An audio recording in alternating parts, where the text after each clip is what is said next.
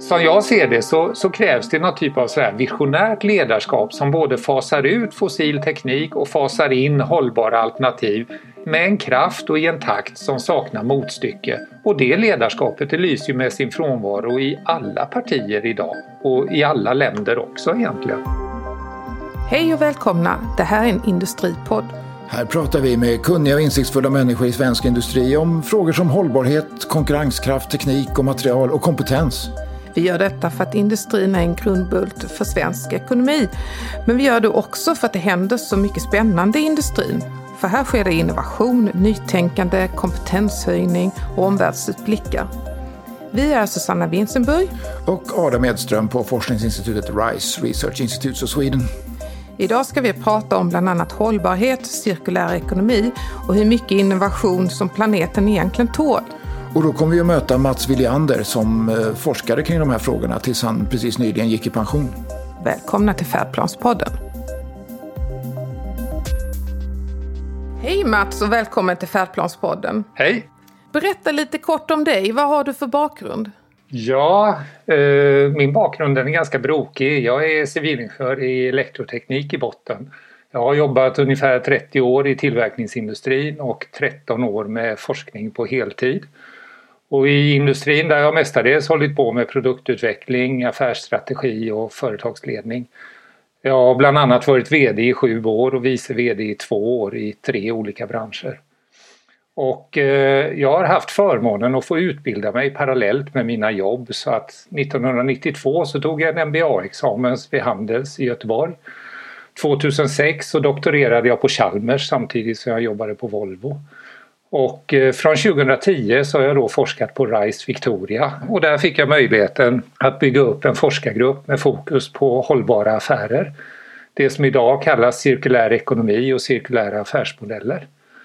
Och vårt fokus där det har varit hur man får cirkulära affärsmodeller mer lönsamma än dagens linjära och hur man får dem att tas upp och användas i tillverkningsindustrin.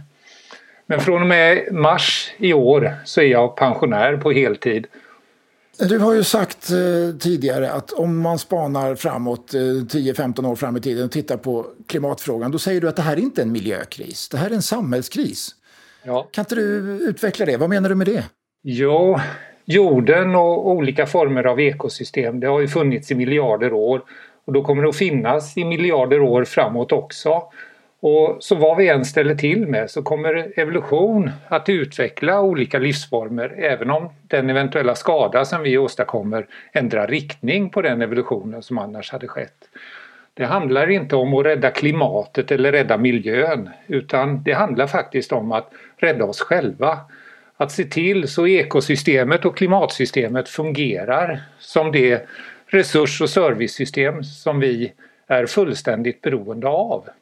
Och oavsett vad vi vill och vad vi tycker och vad vi tror på så måste ju mänskligheten acceptera och nöja sig med vad det här jordklotet mäktar med och ge oss långsiktigt och hållbart.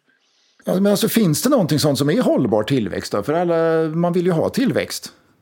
Ja, alltså hållbar tillväxt det är ju som jag ser det en floskel. All tillväxt hittills i alla fall har byggt på att vi konsumerar resurser och när man kämpar efter en tillväxt som ska vara liksom x procent, 2-3 procent om året, så får man en exponentialfunktion.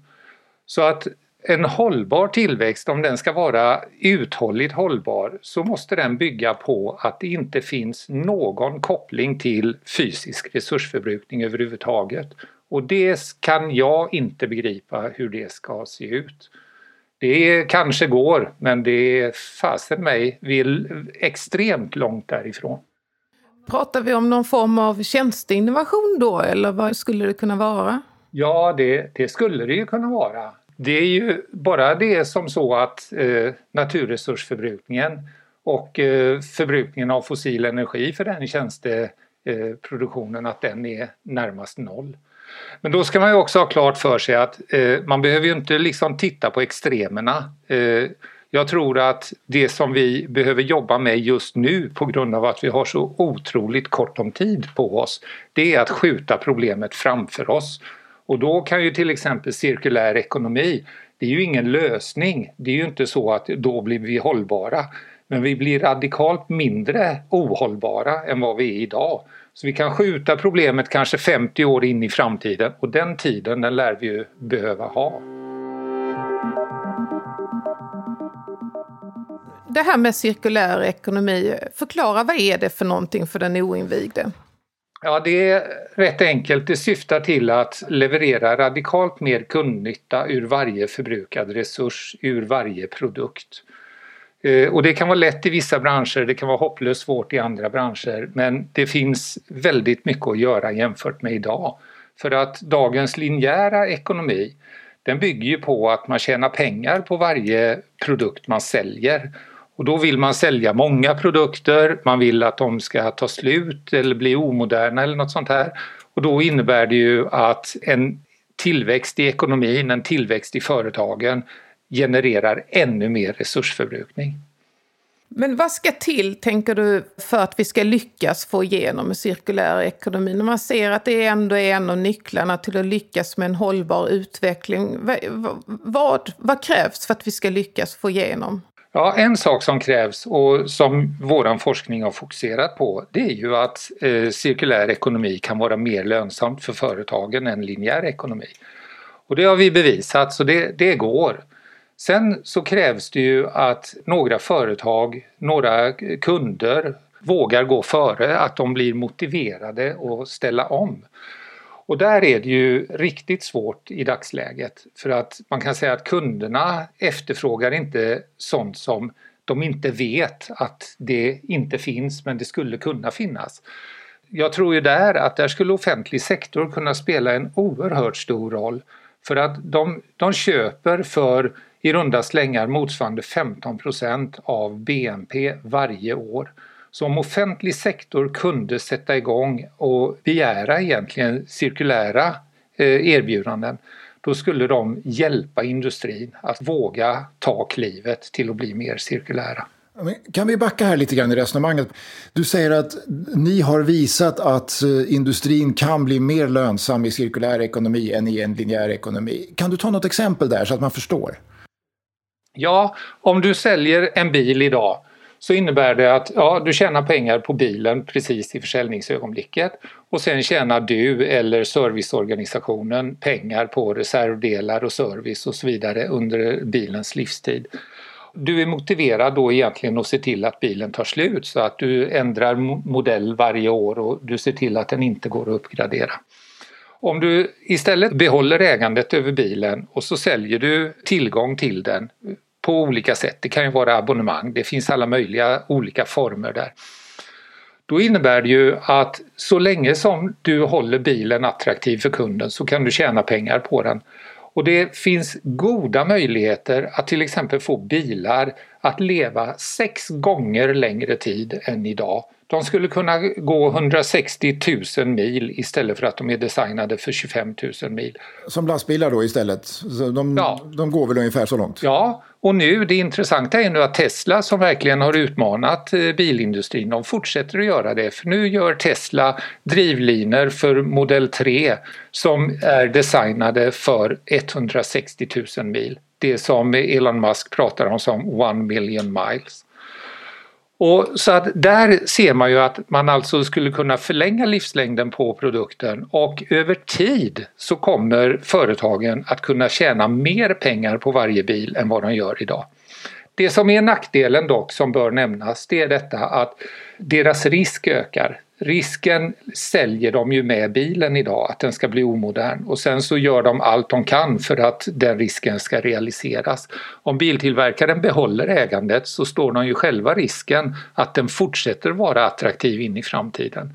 Men det är det som också kommer att vara drivkraften för att de ska anstränga sig och göra bilarna attraktiva och uppgraderbara. Och då drar det ner resursförbrukningen. Men om det nu är så lönsamt, varför gör inte alla detta? Vad är utmaningarna? Utmaningen är att vi har skolats in, vi föds in i en samhällsparadigm som bygger på linjär ekonomi och ständig ekonomisk tillväxt. Det kommer med modersmjölken så det kräver ju att man tänker om. Och sen är det också svårt just i själva omställningsögonblicket för då ska man alltså kunna i stort sett erbjuda både linjära produkter och cirkulära samtidigt. För att alla kunder kommer ju inte att gå över med en gång och säga att jag, jag behöver inte äga bilen, jag vill bara abonnera. Och det, det är svårt, verkligen svårt. Vilka branscher skulle du säga går i bräschen här och lyckas med den här omställningen? Jag tror inte man kan säga branscher rakt av utan jag skulle snarare säga att familjeägda eller fåmansägda företag där de själva liksom har makten eh, både kort och långsiktigt de eh, har goda möjligheter att, att ställa om. Börsbolag och annat där vdn vet att om de inte levererar enligt kvartalsekonomins förväntningar så blir de utbytta. De har ju egentligen mycket svårare. Mm. Och tar man eh, ett eh, företag som till exempel Ackus i Malmö som gör eh, fasadskyltar så har de kommit oerhört långt på grund av att VDn och delägaren i det företaget är väldigt drivande och övertygade om att cirkulär ekonomi är vägen framåt. Det låter ju på det lite grann som det här är en väldigt, väldigt mycket en politisk fråga. Och då är frågan vad kan politikerna stärka för incitament för att eh, underlätta övergången till cirkulär ekonomi? Alltså rent principiellt, nu tror jag inte speciellt mycket på politikerna, de kommer inte att fixa det här. Men det man skulle kunna göra det är ju att man säger att okej, okay, om råvaror är sådana resurser vi behöver hushålla med så bör vi beskatta dem. Och om vi vill ha mer arbete i samhället så borde vi minska skatten på arbete. Så att en skatteväxling skulle ju kunna funka. En annan sak det är att man skulle ju kunna förbättra konsumentköplagen kraftigt och till exempel säga att eh, garantitiderna ska vara minst fem år eller något sånt här. Då kommer det ju att innebära att det blir radikalt mer olönsamt att göra skräpprodukter jämfört med idag. Ja, men det ligger mycket i det. Eh, ser du, någon, eh, ser du att EU spelar någon roll här? Finns det något EU-initiativ eller motsvarande som eh, hjälper den här utvecklingen? De har ju till exempel den här Green Deal. Är det en del av svaret? Alltså, jag önskar ju att jag kunde säga ja. Och Green Deal är naturligtvis bättre än ingenting. Men om man tittar bara på liksom situationen nu med coronakris och allting så, så ser man ju så tydligt att det som alla stater vill, det som alla företag vill, det är egentligen som alla privatpersoner vill också, det är ju att få igång ekonomin. Och att få igång ekonomin, man tänker bara i termer av den linjära ekonomin. Så att Green Deal eh, kan säkert vara bra men eh, det krävs ju egentligen ett betydligt bättre ledarskap än idag och jag tror att man måste matcha med mycket mera eh, drivkraft mot eh, innovationer som hjälper till att göra oss eh, hållbara. Det här med cirkulär ekonomi handlar ju väldigt mycket om, eller kan ju tolkas som om det handlar om att bevara det som finns. Skulle du säga att cirkulär ekonomi går emot innovation? Inte nödvändigtvis. Det kan göra det, i alla fall vissa typer av innovation. För att i och med att cirkulär ekonomi är liksom då eh, resursbevarande så innebär det ju att företag som, som har utvecklat till exempel då de här eh, långlivade bilarna de vill ju inte eh, att det kommer teknologi eller konkurrenter eller andra som plötsligt gör att de blir omoderna. Så att då, då försvinner kanske en del typ av innovationer. Men samtidigt så tror jag att det, det finns idag hela innovationsområden som är oexploaterade på grund av att de är osynliga för den linjära ekonomin. Om man bara tänker i termer av eh, till exempel de här tre kunskapsområdena som eh, Aristoteles pratar om, tekne, episteme och fronesis. Tekne är ju då eh, det hantverksmässiga kunskapen, liksom hur, hur gör man saker och ting. Och episteme, om jag minns rätt, är mer den vetenskapliga kunskapen medan fronesis handlar mer om förstånd. Är det, stämmer det ungefär med, med Aristoteles? Det var ett tag sedan jag läste. Ja. Tekne och episteme, ja det är kunskapsområden som den linjära ekonomin verkligen har uppskattat och är beredd att betala för. Medan fronesis, det är ju någonting som i, i dagsläget eh, ingen vill betala för. Och man ser det ju tydligt till exempel inom äldrevården där det är som så att den här mellanmänskligheten och så, det finns inte någon tid, det finns ingen ekonomi, inget utrymme för att det där ska vara något som levereras utan det är i huvudsak eh, de, mera, eh, de två mera tekniskt inriktade. Och där tror jag att där kan det finnas massor som vi i dagsläget egentligen inte ser men som skulle kunna vidareutvecklas. Den här innovationsparadigmen som vi inte vet någonting om, som är väl någon slags immateriell innovation. Eh, ja. Vad skulle det kunna, vad skulle det kunna vara? Alltså jag tror att eh, det går kanske att finna redan idag eh, i, alla fall embryon till det i olika typer av sån här eh, social entreprenörskap och liknande.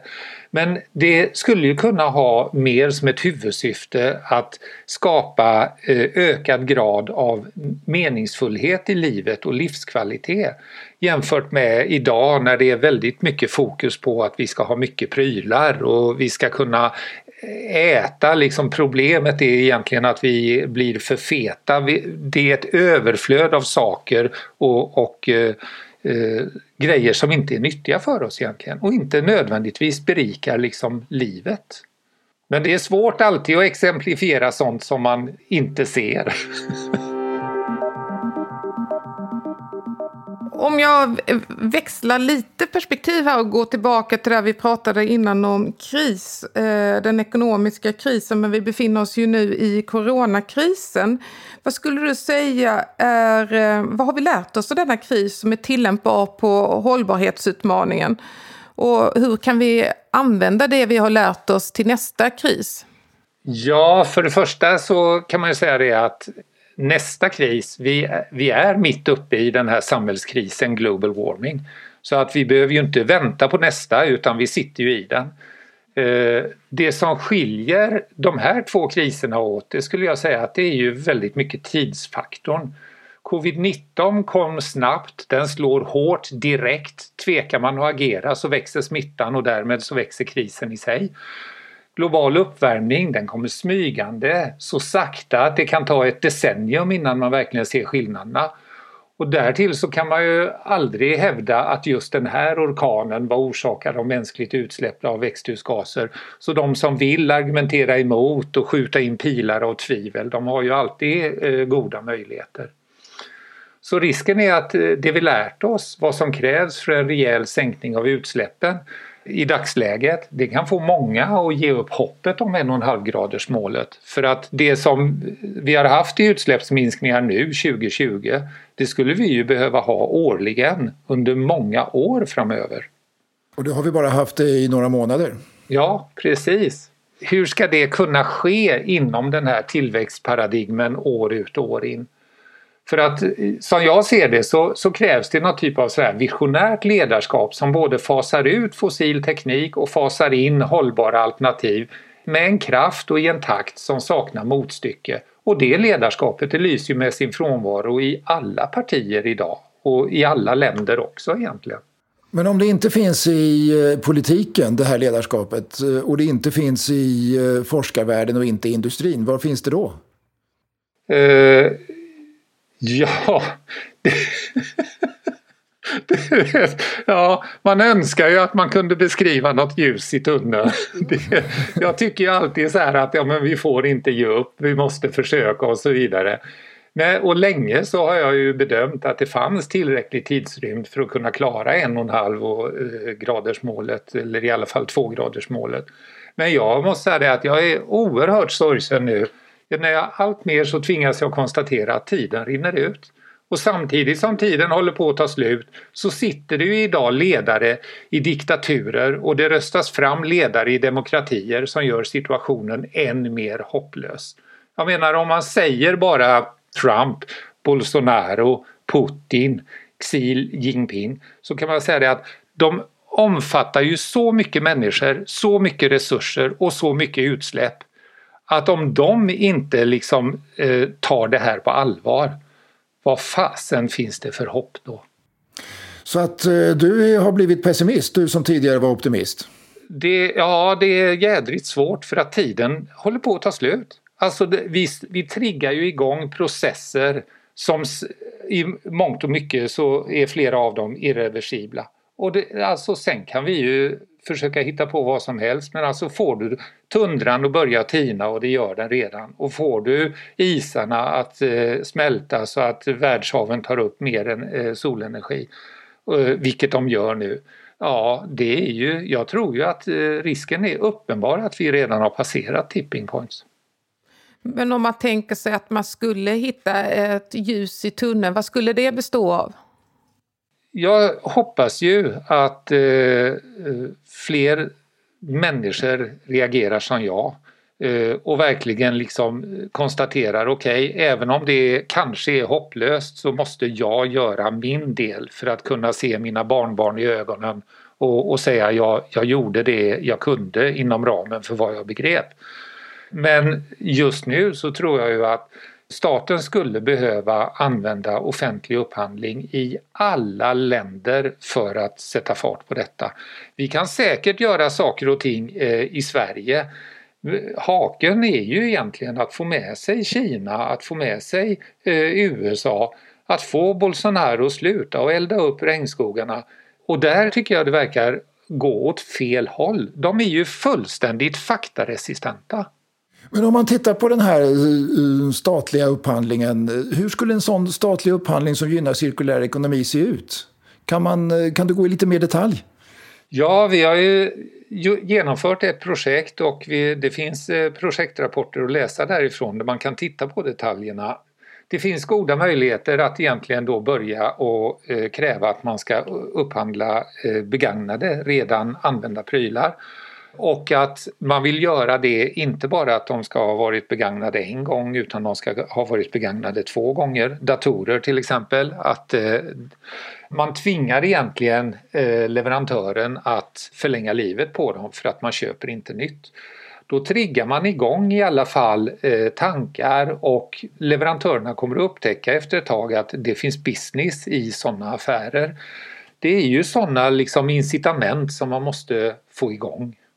Men just datorer är ju rätt intressant därför att där blir ju eh, med Moores lag och annan teknikutveckling så blir de ju snabbare och bättre med en ganska förutsägbar hastighet. Och vem skulle i offentlig sektor skulle vilja ha någonting som är två eller tre generationer bakom och skulle inte det eh, sänka produktiviteten i den offentliga sektorn? Ja, jag vet inte hur du ser på det men jag själv i alla fall, jag har haft datorer sedan egentligen slutet på 80-talet och jag kan säga det att min produktivitet, alltså hastigheten som jag knappar på tangentbordet, den har inte liksom radikalt förbättrats med datorernas snabbhet. Sen upplever jag också att datorerna de är snabba när jag köper dem och sen så blir de långsamma efter ett tag. Och i huvudsak så verkar det bero på eh, ständiga uppgraderingar av operativsystem och liknande. Och jag kan säga det att det Excel som jag använder idag, om jag jämför det med det Excel som jag använde 1995, det är egentligen inte mycket bättre. Ja, men samtidigt så pekar ju teknikoptimisterna ofta på att med eh, digitalisering, ökad digitalisering, ibland med AI, alltså artificiell intelligens och liknande, skapar möjligheter att eh, förbättra alla processer, industriella eller och i offentligheten, så att all onödig friktion försvinner. Och då krävs ju ganska avancerade datorer och ganska häftiga processorer för att kunna göra det. Eh, är det fel väg att gå menar du? Nej, man, eh, man får nyansera bilden rätt så mycket. Jag pratar om här till exempel eh, datorer som du har på ett skrivbord. Det innebär ju inte liksom att all datorteknik eh, kan stanna på en viss nivå. Det finns ingen anledning till det. Men man behöver inte, jag, jag blir inte enormt mycket mer produktiv om det är så här att när ett fönster öppnas så sveper det runt på något magiskt sätt på skärmen. Men det går åt en massa datorkraft för att åstadkomma det. Så jag tror att alltså i vissa sektorer så är det klart att det måste, man måste se till att teknikutvecklingen fortsätter och jag är också teknikoptimist. Men en sak som jag kan, kan nämna när det gäller till exempel innovationer och vad teknik används till så är det ju viktigt om vi vill eh, gagna en hållbar utveckling då ska vi ju se till att vi använder tekniken för att minska resursförbrukningen, att leverera mer kundnytta med varje resurs som vi förbrukar.